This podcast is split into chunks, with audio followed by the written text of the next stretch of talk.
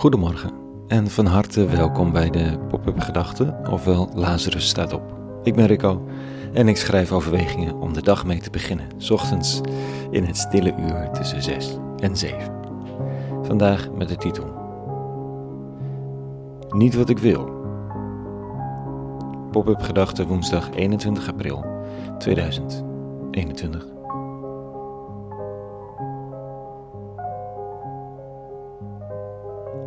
Wat wil je ten diepste? Wat is je verlangen in het leven? Waar is je passie? Waar gaat je hart sneller van kloppen? In welke richting wil je uit? Het zijn misschien wel de belangrijkste vragen die we als kind en later als volwassene keer op keer gesteld krijgen. We geloven hier in Nederland, en misschien wel breder in het Westen, heilig in intrinsieke motivatie. Dat je uiteindelijk moet doen wat je wilt. Want als je doet wat je wilt, word je een gelukkig mens. En het zijn van een gelukkig mens, dat is ook al zo'n heilige graal. Gelukkig worden als hoogste doel in het leven. Het is super fijn om je gelukkig te voelen. Daar wil ik verder niks van afdoen. Maar als hoogste doel in het leven is het natuurlijk ook een vorm van hedonisme. Ik en mezelf die samen een fijn gevoel hebben met elkaar. En het is een doodlopende weg soms, Geluk werkt namelijk helemaal niet zo goed als doel in zichzelf. Het glijdt als fijn zand door je vingers zodra je erin knijpt om het te behouden. Doen wat je wilt en gelukkig worden, velen van ons zijn ermee opgevoed. En aan de ene kant kunnen we God op onze blote knieën danken voor de vrijheid en waardering voor het individu en de eigenheid. Aan de andere kant kun je net zo, goed diezelfde God op diezelfde knieën smeken om verlossing uit die hedonistische valkuil de gesloten, visieuze cirkel van navelstaarderij, die ons nooit brengt waar we willen zijn. Want de vraag waar word ik gelukkig van, dat ga ik doen, zodat ik gelukkig word, is een recept voor mislukking. Het is als met de liefde, wie hard zijn best doet, gaat doen voor iemand met als hoogste doel dat die ander van hem of haar gaat houden, die heeft nogal een moeilijke weg gekozen.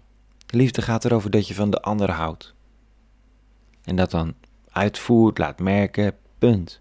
En dan is het fantastisch als de ander ook van jou houdt. Maar als de liefde van een ander resultaat is van jouw investering, dan is het transactioneel geworden. Dan is de liefde zelf zoek. Zo ook geluk. Het is een bijproduct van een hoger doel, een ervaring die loskomt als je geluk zelf niet op het oog hebt. Misschien is ook de vraag wat wil je ten diepste en waar ligt je passie wel? Net zo'n recept voor mislukking. Ik weet het niet zeker, maar ik probeer even die denkrichting uit. Is de vraag: is het de vraag wat ik wil, of is het de vraag wat ik denk dat me te doen staat, nu en straks? Er zit een nuanceverschil. Er zijn te veel mensen, er zijn te veel mensen met een overdosis verantwoordelijkheidsgevoel en te weinig liefde voor het vak. Zodat ze ten onder gaan. Ik bedoel, dat is wat denk ik dat me te doen staat en dat is een risico. Aan de andere kant, doen wat je wilt is ook niet de oplossing. Ergens is namelijk de noodzaak om je aan iets toe te wijden. Iets wat zo belangrijk is dat je je eigen geluk even aan de zijkant parkeert.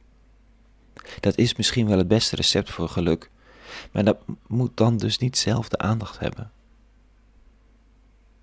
Dus is de vraag eigenlijk: wat staat mij te doen? Wat is de opdracht voor mij hier? De vraag naar geluk en of je er energie van krijgt, kan altijd als een soort hulpvraag dienen, als een soort richtingwijzer. Maar de hoofdvraag gaat niet over wat ik wil. En ook niet of ik er gelukkig van word. Tenminste, dat denk ik zo als ik vandaag lees wat zelfs de rabbi, de man van Nazareth, van wie de wil toch geacht wordt vrij zuiver te zijn, zegt tegen zijn tijdgenoten. Hij vertelt de luisteraars dat hij het levende brood is, dat zijn verhaal en hij zelf om geloof vraagt, omdat er daar redding en hoop en toekomst in besloten ligt. Zal me niet al te makkelijk te verhapstukken, maar dan zegt hij dit: Ik ben niet uit de hemel neergedaald om te doen wat ik wil, maar om te doen wat hij wil die mij gezonden heeft. En dan is de vraag of je een soort, soort met goddelijke rabbi moet zijn voor zijn uitspraak, of dat het precies is wat ons ook zou mogen drijven. Waartoe zijn jij en ik op aarde gezonden? Ik geloof niet dat we allemaal met hetzelfde gemak praten over uit de hemel neergedaald. Al zijn er spirituele stromingen die geloven dat elk kind uit een hemelse ziel voorkomt, voortkomt. Maar het punt is dat je bestaat met een noodzaak, een oproep, een taak, een bijdrage, eentje die bij je past. Maar die niet per se met je eigen wil te maken heeft, maar met de wil van degene die je gezonden heeft. Je daaraan overgeven maakt dat je je plek vindt in de wereld.